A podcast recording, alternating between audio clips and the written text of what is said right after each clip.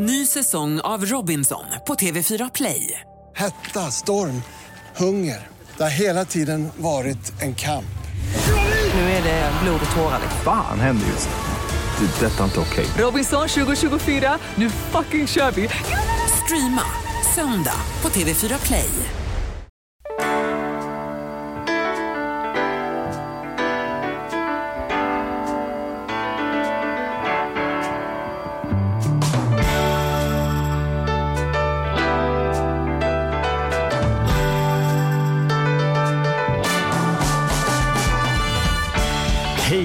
Välkomna till På riktigt med Charlie och Mattias. En podcast om ekonomi på riktigt i samarbete med ICA-banken. ICA-banken är en vardaglig bank som tryggt och enkelt hjälper dig att hålla koll på din vardagsekonomi.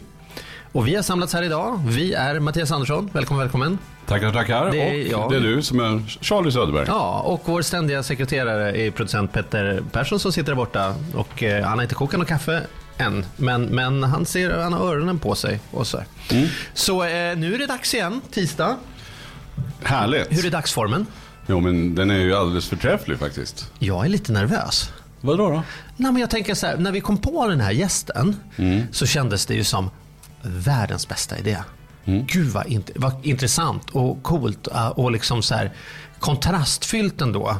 Charlie, Mattias och Thomas Di Leva pratar ekonomi en timme. Ja. ja, när du säger det så, så kanske man... Ja. Då tänkte jag ju så här när, när vi kom upp med den här idén, det vill man ju höra. Nu är det, nu är det, nu ska vi också lyckas spela in det. Ja, nu är det jag, vet inte, jag vet inte alls. Jag har, inte, jag har sett Thomas på en konsert en gång i, under medeltidsveckan i Visby. Så bara dök han upp i en ruin och körde byxorna av alla. Han, har, han är fantastisk Mm. som artist. Men jag, jag vet knappt om han finns på riktigt som människa. Liksom. Han har ju något, eller om han beamas ner från kosmos en gång i veckan när det är dags att sjunga. Liksom. Ja, ja, men precis. Det Har, du, har du hört honom live någon gång? Eller? Ja, jag har hört honom live. Eh, flera gånger faktiskt. Ja, Eh, ja. Han är en fantastisk artist att få med sig i publiken. Det är ju... Ja, han är grym. Och vilka hits han har om man tänker efter. Om du skulle börja liksom googla Dile- Dileva eller Ja. du börjar titta på, Ja. på Spotify eller iTunes eller något sånt där. Så vilka låtar han har i sin, innanför västen. Alltså. Ja, Ja, ja, det är bra. Kommer, man kommer, säkert är det så när man hör så Ja, här, när du "Åh, väl den där Ja. och den där och den Just det. där. Ja. Ja, vad spännande. Ja, vad spännande. Det ska bli, känns jättespännande att höra just att inte prata artisteri med honom ett utan prata ekonomi. Mm. Vad finns det innanför västen där? Hur tänker, hur tänker liksom Sveriges svar på Dalai Lama, eh, liksom kosmoskatten, på, Mm. på när det kommer till fondsparande, räkningar och, och liksom ekonomi? Så det kanske ja, blir... jag tänker också så här, hur, vad pengar betyder för honom. Ja. Alltså rent eh, energimässigt. Så. Ja. Han är ju mycket för energier och flöden och så. Så att, eh, jag vet att han håller på, han kör ju också en hel del så här yogakurser och, Mm. och meditation och grejer. Så att, eh, mm, Ja. det blir väldigt spännande. Jag tycker vi tar av oss barfota och Ja. öppnar dörren och välkomnar in Thomas Leva.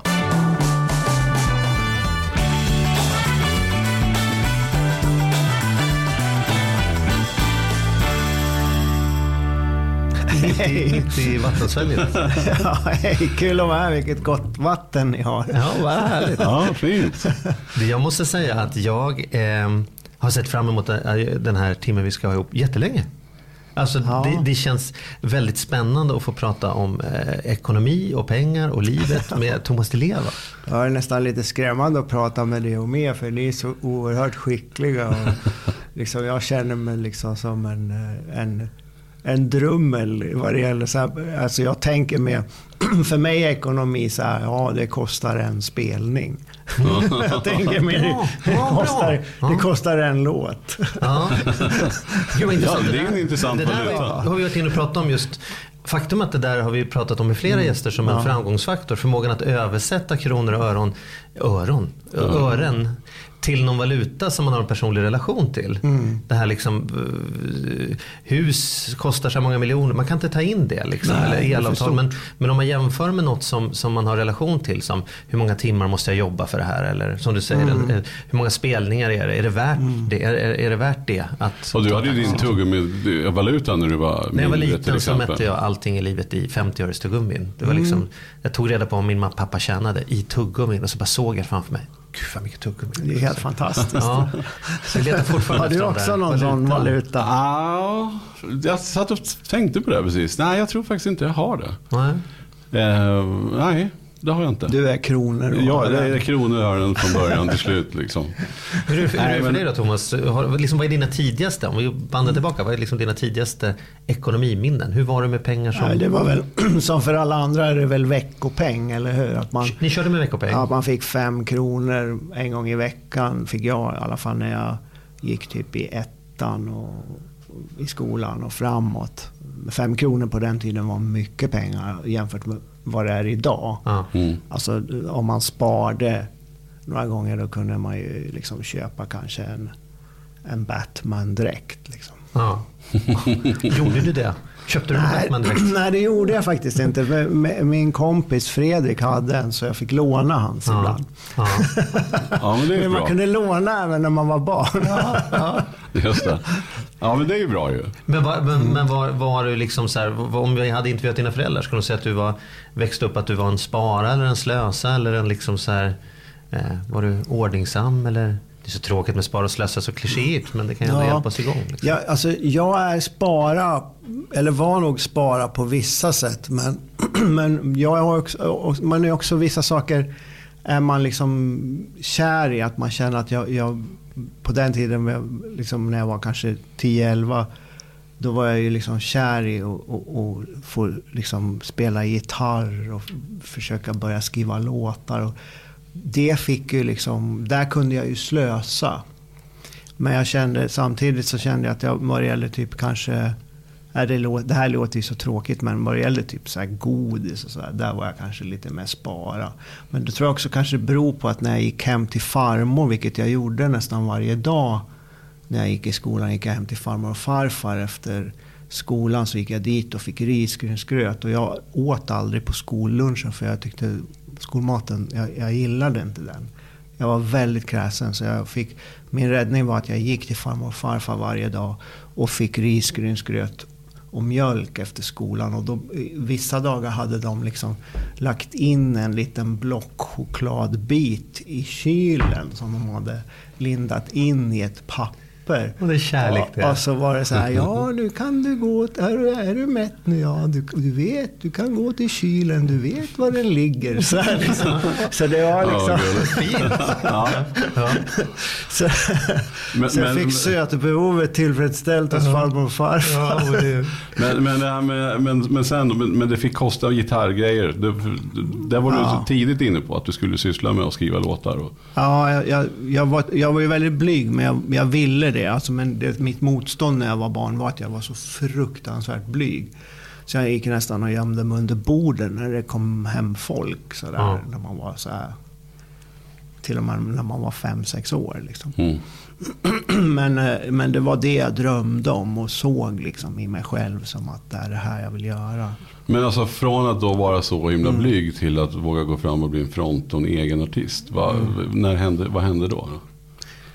Jag, jag vet inte, alltså det, det är ju en process. Det händer ju inte på en dag. Men, men att eh, ju mer jag höll på med musik, ju mer gav det liksom mer smak. Och det liksom, men ni vet själva om man har något så här intresse eller det man brinner för. Man kan ju inte sluta med det. Och, och ju mer man håller på, desto mer så vävs det in överallt i ens liv. Och till slut så är man det. Mm.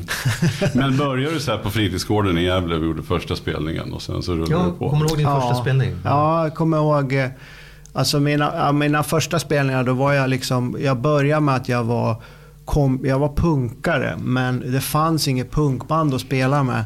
Så jag ansökte om att få spela kompgitarr i ett så här eh, 50-tals rockband. Och på den tiden var ju raggarna var ju väldigt mycket emot punkarna, så är det ju inte idag. Men det var så då. Det var liksom så här eh, bråk mellan ra- raggare och Ja, det punkare. var ju klassiskt, ja precis. Men jag fick ändå vara med, trots att jag var punkare. Men de höll alltid på att muttra i liksom replokalen. Jag liksom, Vad. Så här, Men jag fick ändå vara med för att jag, jag var bra på audition. Och sen tror jag jag spelade någon spelning med dem. Men sen så gjorde vi något annat band med min bror som sjöng. Och där fick jag spela en punklåt liksom, och sjunga. Annars så fick jag spela gitarr. Men sen efter det, då startade jag och min kompis Fredrik och min kompis Toffe, vi startade ett eget punkband som hette The Pilly Storks. The Pilly Snorks. Pilly Snorks. ja, The Pilly Snorks. Vart det någon platta då? Ja, vi gjorde en EP faktiskt. Ja, ni gjorde det? Ja, då var vi 15 år. Liksom. Det var fantastiskt. Vi gjorde den själva. Vi hade någon stu- vi tog så här, man hade kurser på Studiefrämjandet och då fick man, liksom, för att man gjorde dem, så fick man bidrag till att gå och göra en studioinspelning. Man hade så här bandkurs och musikkurs. det. Mm. Så det var så vi lyckades få komma in i en studio en dag och göra en hel EP. Och sen eh, så gjorde vi spelningar på ungdomsgårdar för att ha råd att trycka skivan och göra omslag och så. här. Så det var ju, det var verkligen en grundkurs i, i skivindustri. Är det någon som lyssnar nu som har en The Pilly Snorks skiva hemma så kan ni ju eh, se till om, ni kan, om man kan få en liten inspelning till så lägger vi Ja. upp den på Facebook. Det ska vara spännande att höra hur Jag tror den är värd typ 2-3 tusen idag. Ja, ja, ja, Ja, du ser. ja. Ja, spännande. Men Men, så- bor det en liten punkare i dig fortfarande? Det är Som om man skulle smyga hem till dig. Hittar man några Sex Pistols-skivor och lite Ramones? Och, eller? Ja, Ramones tycker jag är bra. Clash tycker jag är bra. Ja. Och, och, eh, Så du kan alltså, sätta på när du diskar hemma ibland bara. Nu kör vi lite punk här. Ja, Susie and the Banshees tyckte jag också var väldigt bra. Buzzcocks och... Ja. Eh, eh, jag var inte så inne på Sex Pistols. Jag tyckte de var så himla kommersiella. Ja. ja, just det. Pe- Petter nickar med stora här, vår producent som är musikintresserad. Ja. Ja, ja vad kul. Men, men då kan man säga att du, du försörjde, du, liksom, ni, ni drev runt ditt första projekt genom att ni spelade, fick in pengar och sen kunde ni trycka skivan. Ja. Och sen då? Sen blev det solokarriär? Ja, för jag flyttade till Stockholm. Jag hoppade av, hoppade av gymnasiet.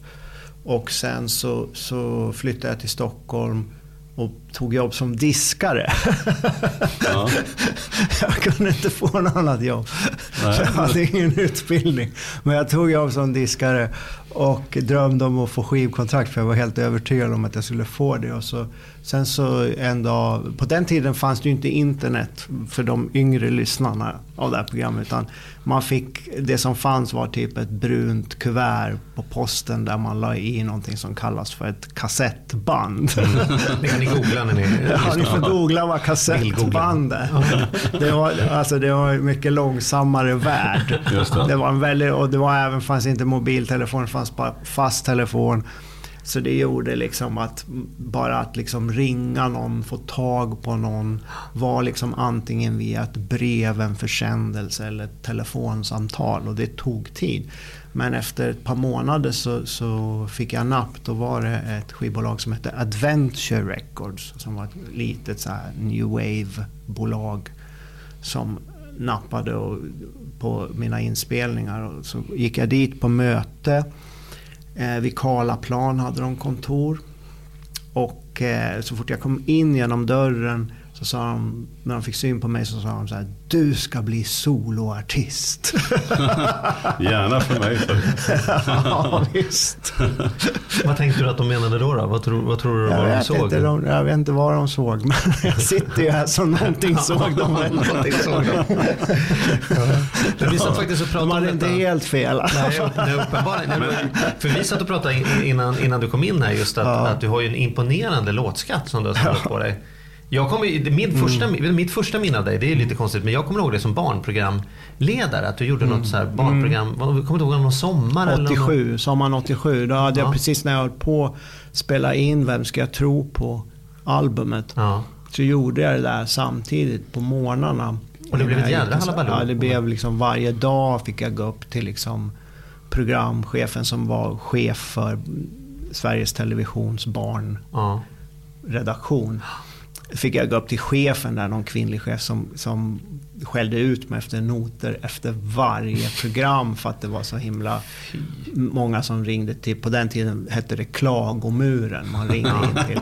Bara att de hade ett färdigt namn på det. Och vad var de arga på då? Vad, Ja, de var arga på att de tyckte att vuxna får inte bete sig så för att de tyckte inte att jag var, be- betedde mig pedagogiskt. För jag var, ena morgonen så spelade jag att jag var djävulen och att jag skulle städa mitt rum. Och då när djävulen städar sitt rum då stökar han till allting och liksom eh, så nu ska vi städa och så stökade han till och bara liksom gjorde så det blev bara kaos. Och sen så, sa, så kom det någon annan som min kompis Fredrik som spelade liksom en som hette Doktor Snäll. Som kom in och sa, men vad är det med dig? Och då kom det fram till att djävulen var sådär bara för att han kände sig så ensam. Och att liksom han, vill, han ville få uppmärksamhet bara.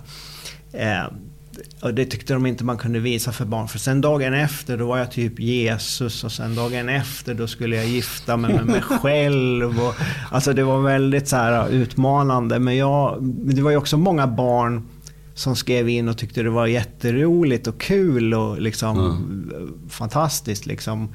För man ser också när, när barn leker, jag ser på, på min sexåriga son. Liksom, de leker ju liksom saker. Man sitter bara, om man sitter liksom som en fluga på väggen tyst ja. och inte stör. Liksom. Så, så vilken enorm fantasi. De har ingen begränsning i sin fantasi. Liksom. Och det är klart att när man kommer upp i skolåldern så får man ju lära sig strukturera sin kreativitet och fantasi. och använda det så att man blir en duktig medborgare i samhället. Men frågan är, ska barn verkligen vara så, tycker jag? Jag vet inte, man måste ju få vara barn när man är barn. Liksom. Jag var ju 13 mm. så jag var egentligen för stor. Men jag har ja. varit fascinerad över, mm. över, hur du liksom ändå lekte framför kameran. Min morfar tyckte mm. att du var hemsk. Ska man ha en utvecklingsstörd människa som de filmar i TV kan det vara uppbyggligt för barn. Ungefär så lät min morfar. Ja. Men jag, jag var fascinerad. Som, men jag hade ju småsyskon också. Men, du, men, men mm. det, det, vi är mest sugna på att prata om med dig är ju egentligen då, Ekonomi. Då? Ekonomi. Vad är din relation till om vi bara säger så här, ekonomi, vad dyker upp för dig då? Liksom? Att jag ringer till, till de som har hand om min ekonomi och säger så här, nu får ni hjälpa mig med det För ofta är jag tyvärr kanske lite ointresserad av det ibland. Hur jag försöker intressera mig och sådär. Men, nej, men jag, ja, man kan inte vara lika intresserad av allt i livet. Mm. Eller hur? Jag, jag vill gärna liksom vara mer intresserad och kanske investera och göra såna här grejer. Men, men jag känner ofta är det andra saker som kommer emellan. Typ som att ja, men nu måste jag iväg på den här spelningen. Och, men det är inget så aktivt ja. avståndstagande nej, från nej, Thomas Di Leva utan nej. det är mer som så här, det där borde jag ta tag i men oj, nu ja. kom det en gitarrgrej istället. Här, ja, ibland tycker jag att jag borde ha tagit tag i den biten bättre. Ja.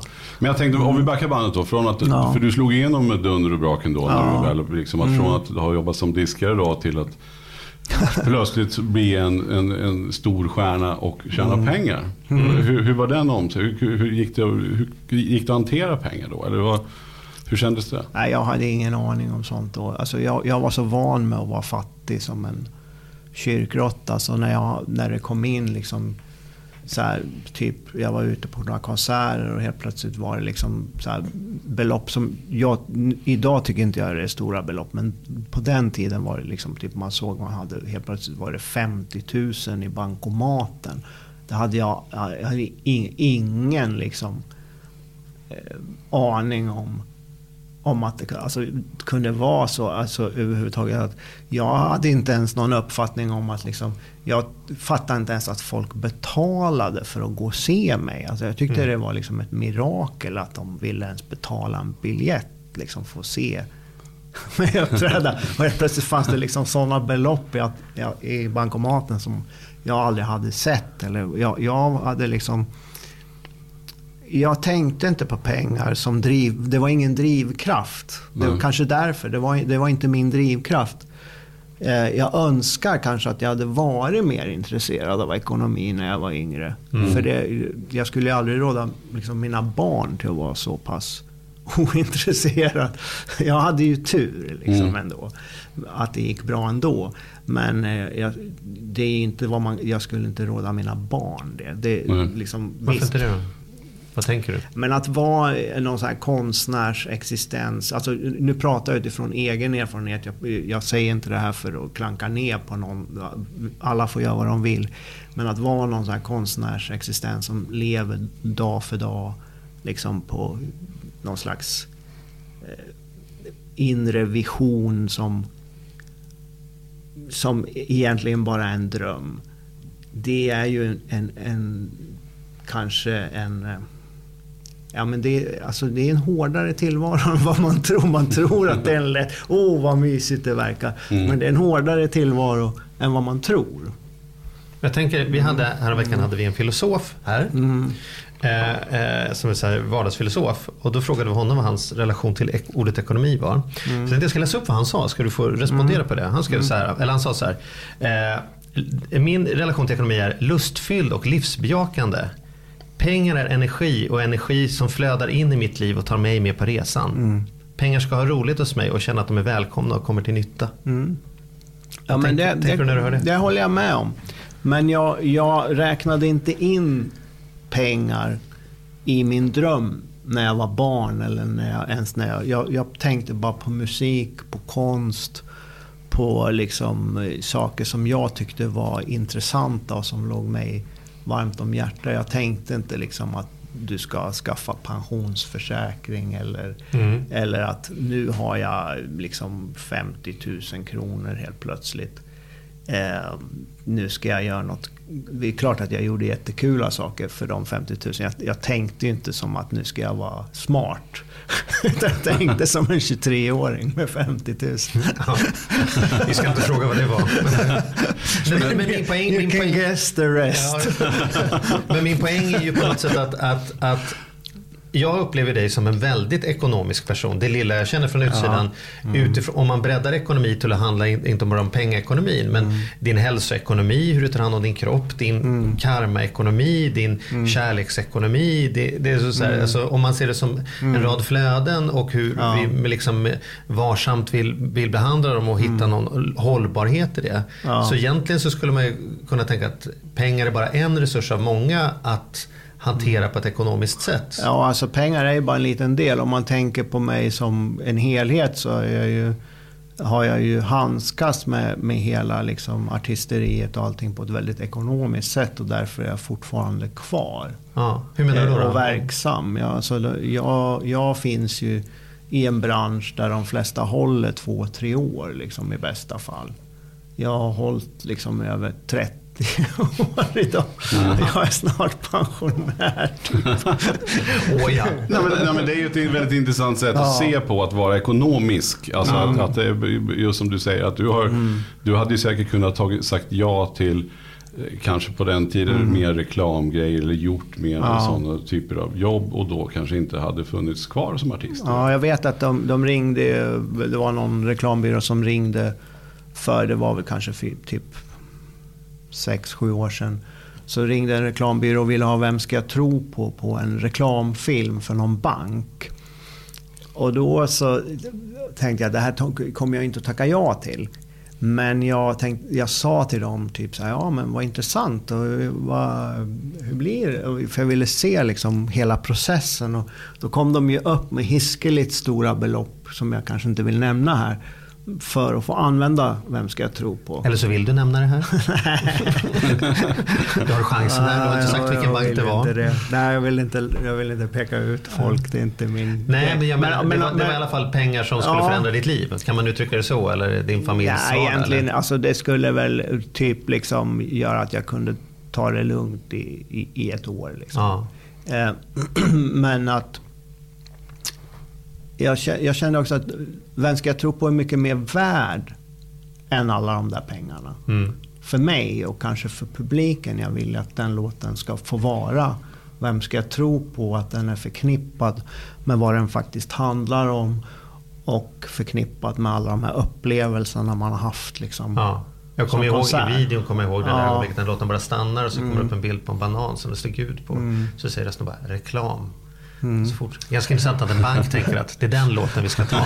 Men då ganska tydligt så här, krit- kritik mot kommersialismen på något sätt. Eller är det bara Ja. jag som läser in det i onödan? Eller? Ja, kanske. Jag tror de bara hör en check låt som de Ja. vill använda till någon reklamfilm. Ja. Reklamfilmer idag är ju ganska roliga tycker jag, många av dem.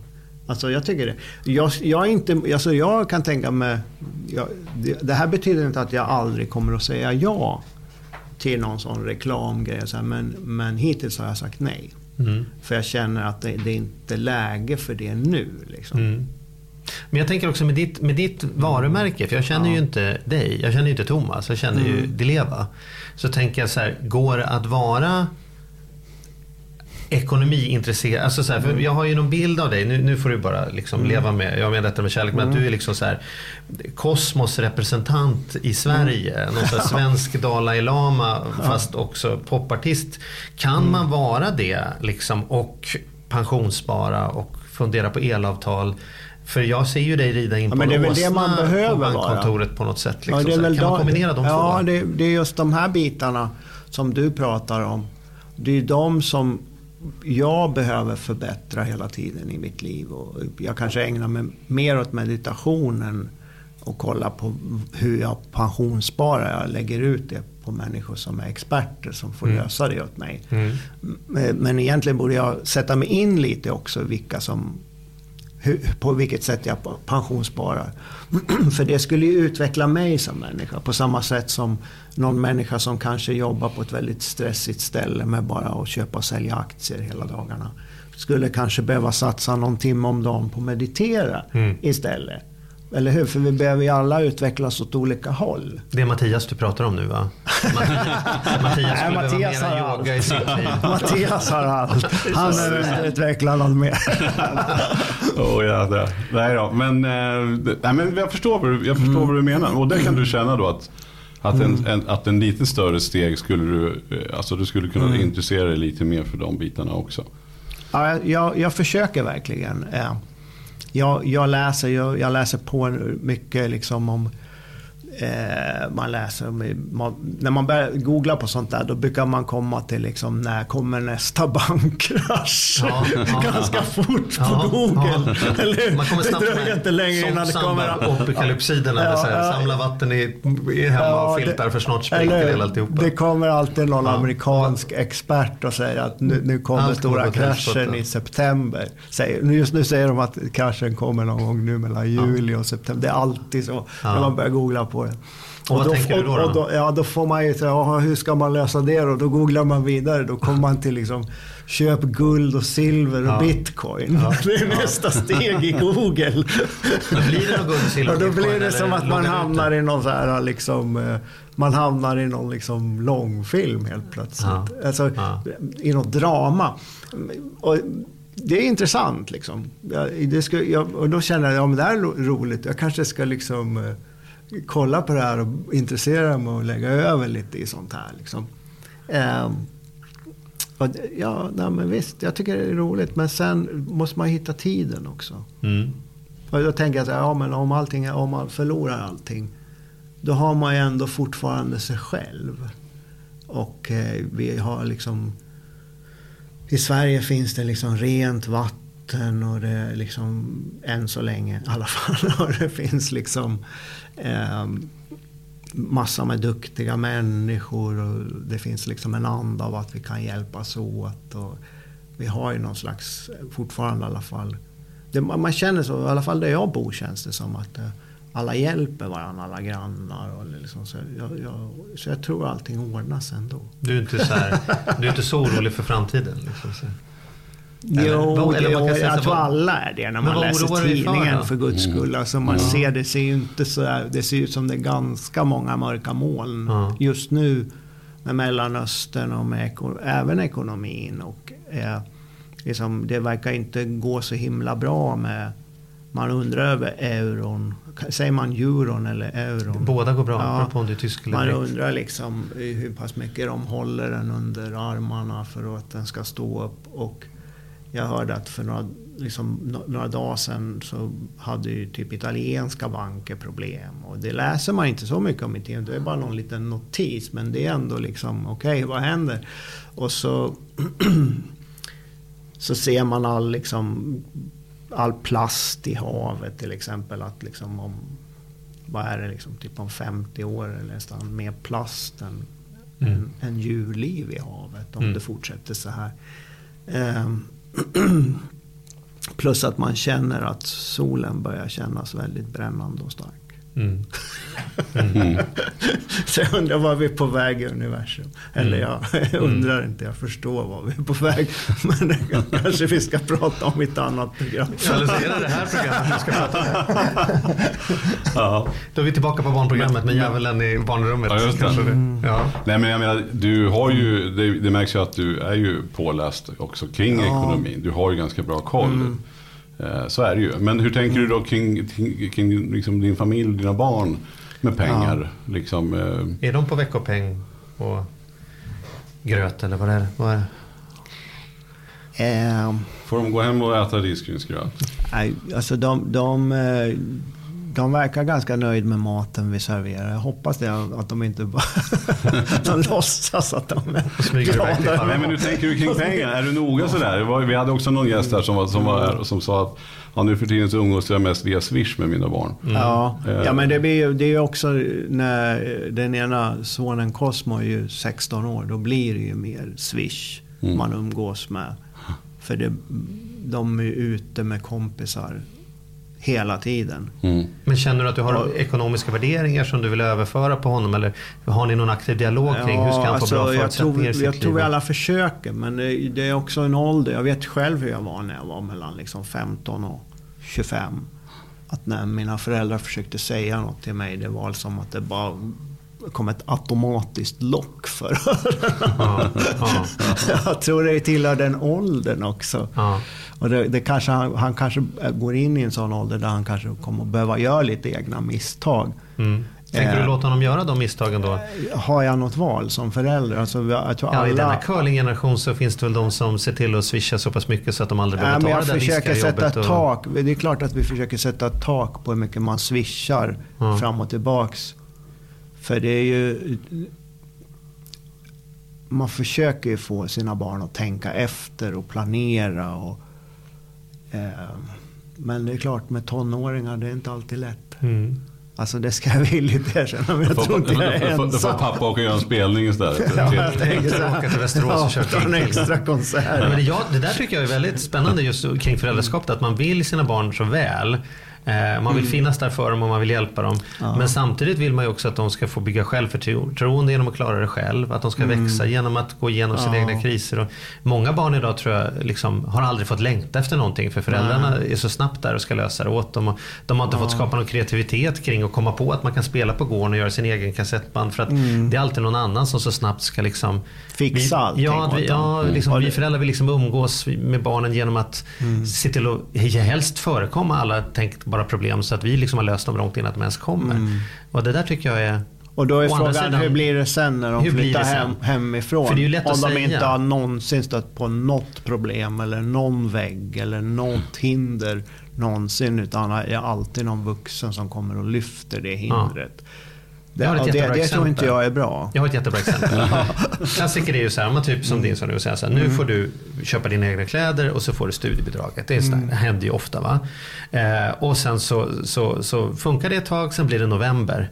Mm. Och så står han där och ska ta bussen till skolan på morgonen och har ingen vinterjacka. Mm. Och har man då sagt då, om man ska tänka att man ska lära barnet ekonomi och lära långsiktighet. Och så, då skulle man vara föräldern som säger så här, se kallt ut det där du får väl ta gaffatejp och duntäcke då för att har du inte satt undan pengar till någon vinterjacka så har du inte gjort det. Mm. Det lär ju det barnet lära sig något för livet kring ja. sparande. Men det gör vi inte. Då Nej. springer vi dit och fixar en jacka eller i, bäst, I värsta fall köper vi den jackan de önskar sig. Och I bästa fall kanske en billigare. Eller, men det är sällan man går till barnet och säger så här. Jaha, hur tänker du lösa det här då? Ja, det, har, har, du övervägt second hand? Eller finns det något du kan ja. sälja? Eller, alltså... Det är roligt att du säger för jag gjorde precis som det du sa. Jag fick ja. pengar av mina föräldrar för att köpa vinterjacka och mössa och så här. Och jag gick och bara köpte några så här skjortor och jättetunna jackor som jag tyckte var häftiga. När jag var 15 år. Eh, och då, de blev ju naturligtvis ganska arga när jag kom hem. Liksom, med de där, det var ju långt ifrån vinterkläder. Liksom. och, eh, men jag liksom stod på mig och sa, jo men de är jättevarma. Och sen gick jag hela vintern och frös utav bara den. Ja. Men jag låtsades som jag inte frös inför dem. Du höll dig stolthet. ja, det är rätt. Och de låtsades tillbaka som att de gick på det. Nej, de bara skakade på huvudet. Den gick de inte på. Då? Den, den gubben gick inte.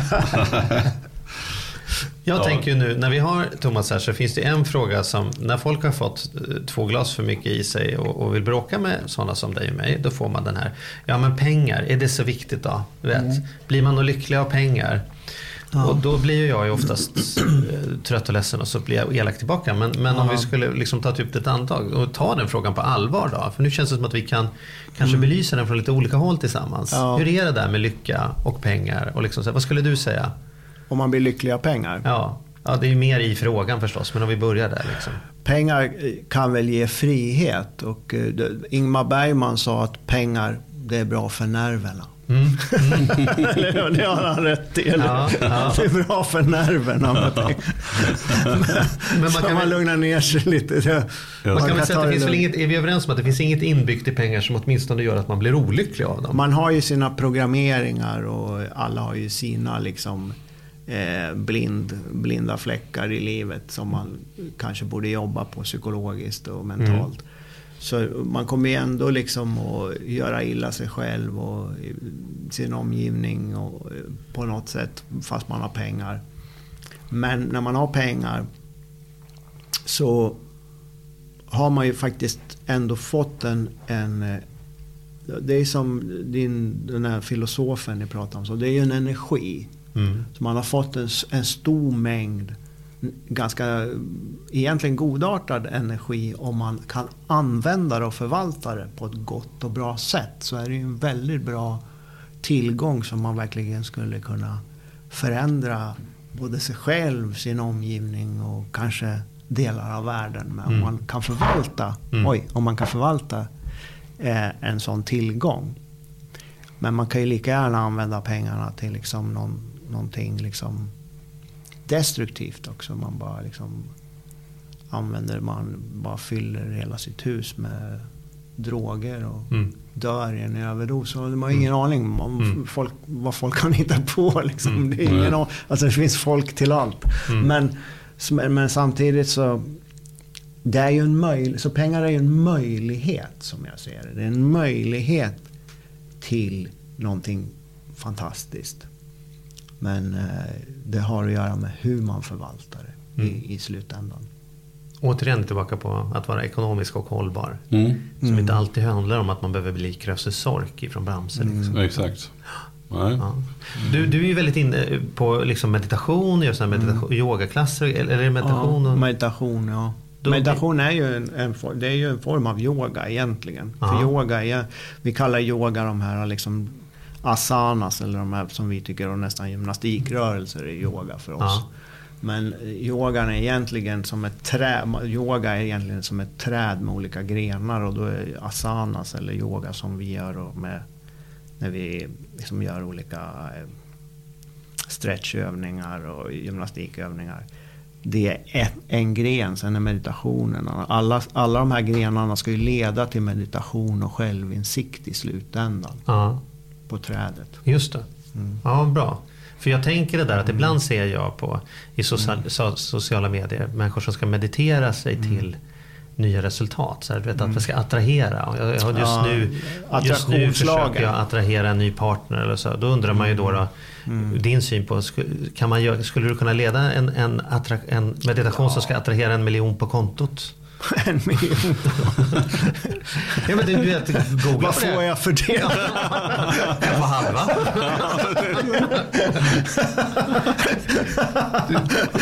Du, du skulle i alla fall inte behöva vara orolig för nästa års Ja, men alltså, jag känner att alla får önska vad de vill. Ja. Alltså, Ja. jag, vem är jag? Och om någon säger jag vill ha en, en medita- eller om någon säger så här, jag vill meditera och jag vill meditera på att jag har en miljon på mitt bankkonto.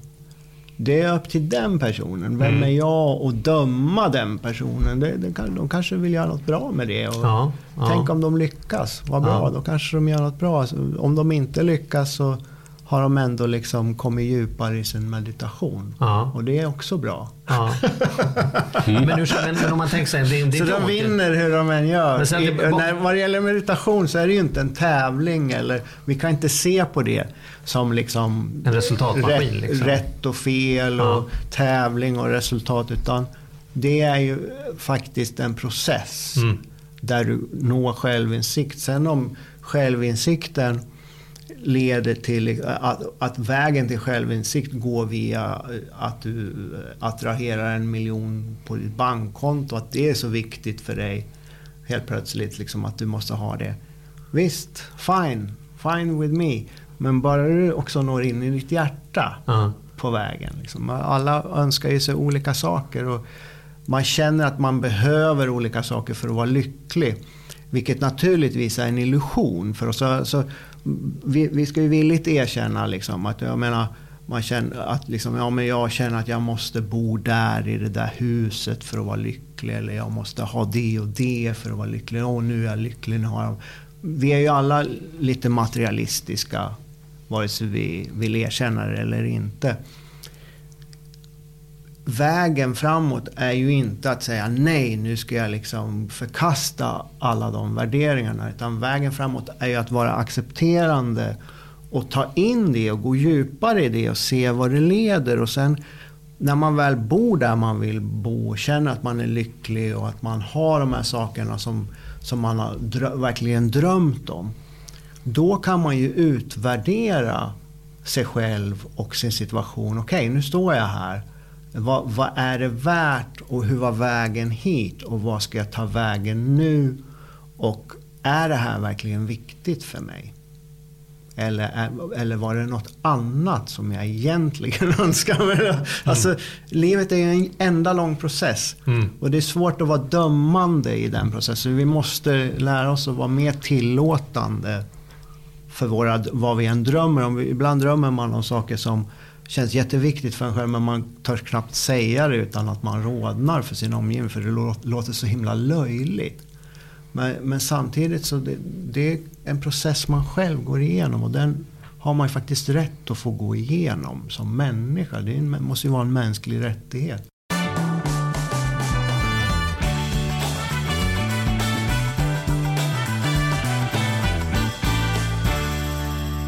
Sen kan jag tycka, om, om jag får dra det lite längre, om ni orkar lyssna en minut till på ja, vi, Många minuter har vi. Ja, så, så tycker jag nog också att som vi har idag ett system på hela planeten jorden så bygger det liksom på fattiga och rika och eh, någon slags medelklass. Men medelklassen börjar väl också liksom tunnas ut mer och mer utav liksom, eh, som hela samhällssystemet bygger så blir det det blir, det blir mer och mer kamp i, i den här medelklassen eh, just nu. Och det, det, är väl där liksom samhällets kamp kommer att stå de närmaste 20 åren med artificial intelligence och sånt där.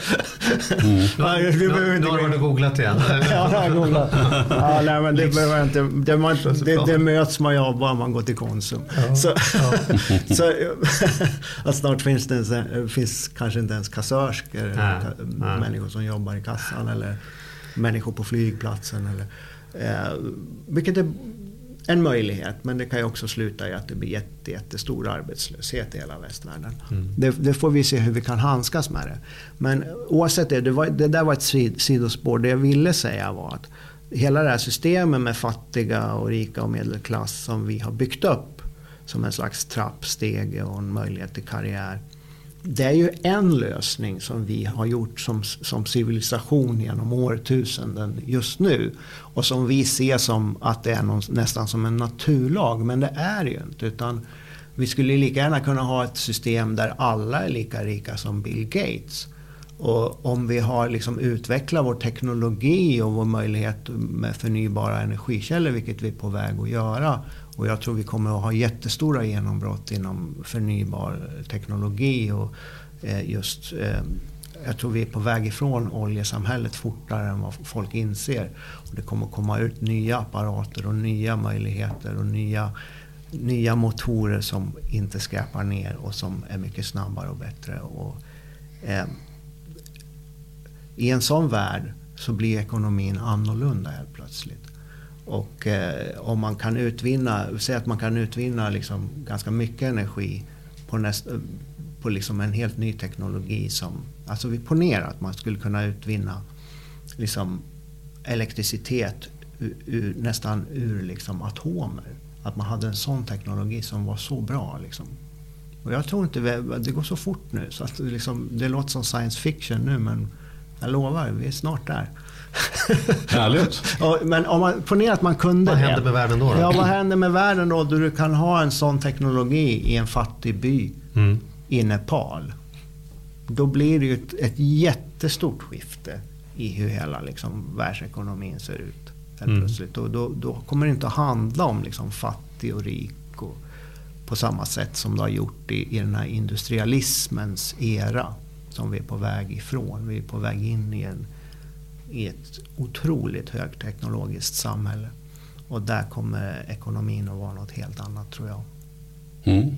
Spännande. Ja, mycket spännande. Ja, det kanske är, är liksom de perfekta slutorden här. Ja, jag tror det. Något att meditera över i hängmattan här i Ja, sommar. precis. Ja. Hur, om man vill göra det, hur börjar man då? Ja, har du Meditera? några grundtips för oss? Ja, det bästa sättet att göra, om man, de flesta som lyssnar, jag vet inte, vad, man, det spelar ingen roll om, om man tror, säg att man tror på något gudomligt eller om man inte tror på något gudomligt. Det spelar faktiskt ingen roll för meditation. Man kan meditera vare sig man är ateist eller troende eller vad, men det spelar ingen roll. Men eh, vad vi alla har gemensamt i alla fall, det är att vi andas in och ut. Och att det är grundläggande för att ha ett liv. Om ni inte tror mig så, alltså det är den viktigaste delen av vår ekonomi. Är egentligen vår andning. Andningsekonomi. Hur vi tar hand om vår andning. Alltså, Om ni inte tror mig så kan ni pröva att sluta andas några minuter. Så får ni se hur bra det går. Att vara pank på det kontot, då får man problem snabbt. Ja, det, Ja, det då får kontot man- får man snabbt problem med. Men, men i alla fall så, man kan blunda. Eh, om man, vi blundar då. Mm, blundar vi. Och så känner ni att ni bara sitter där ni sitter. Ni behöver inte göra något speciellt. Och vad ni än tänker eller känner eller hur det än ser ut eller vad ni än förnimmer där inne i er själva. Så låt det bara fortgå som det gör. Det är ingenting ni behöver göra åt era tankar och känslor just nu. Utan låt dem bero bara.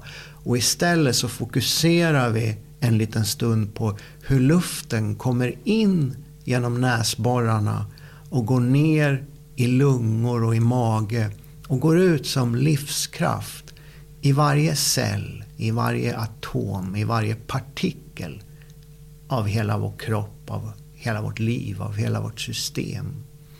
Så bara följ den enkla men livsviktiga processen en liten, liten stund. Hur luften kommer in genom näsborrarna, går ner i lungor och i mage och ut som livskraft i varje cell i hela kroppen.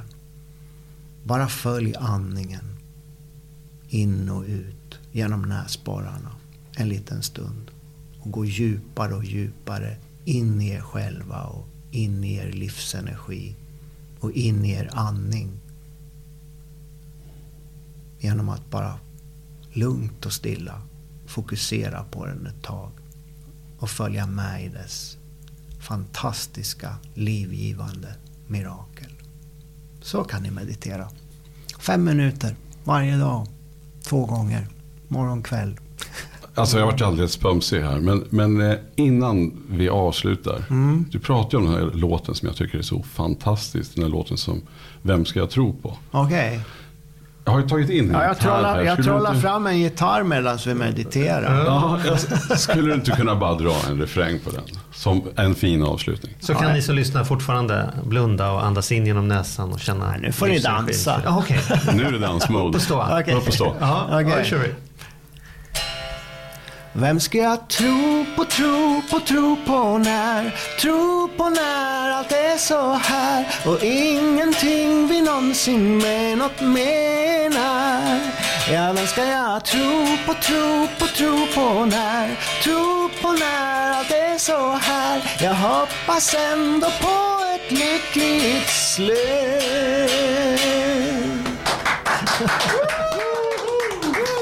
Tack Thomas. Tack ska ni ha.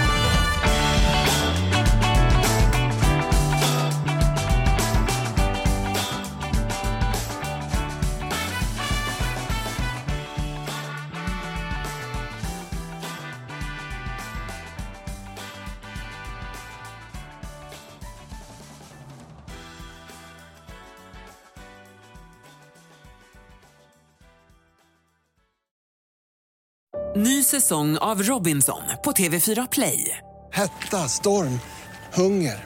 Det har hela tiden varit en kamp. Nu är det blod och tårar. Fan händer just nu. Det. är Detta är inte okej. Robinson 2024, nu fucking kör vi! Streama söndag på TV4 Play.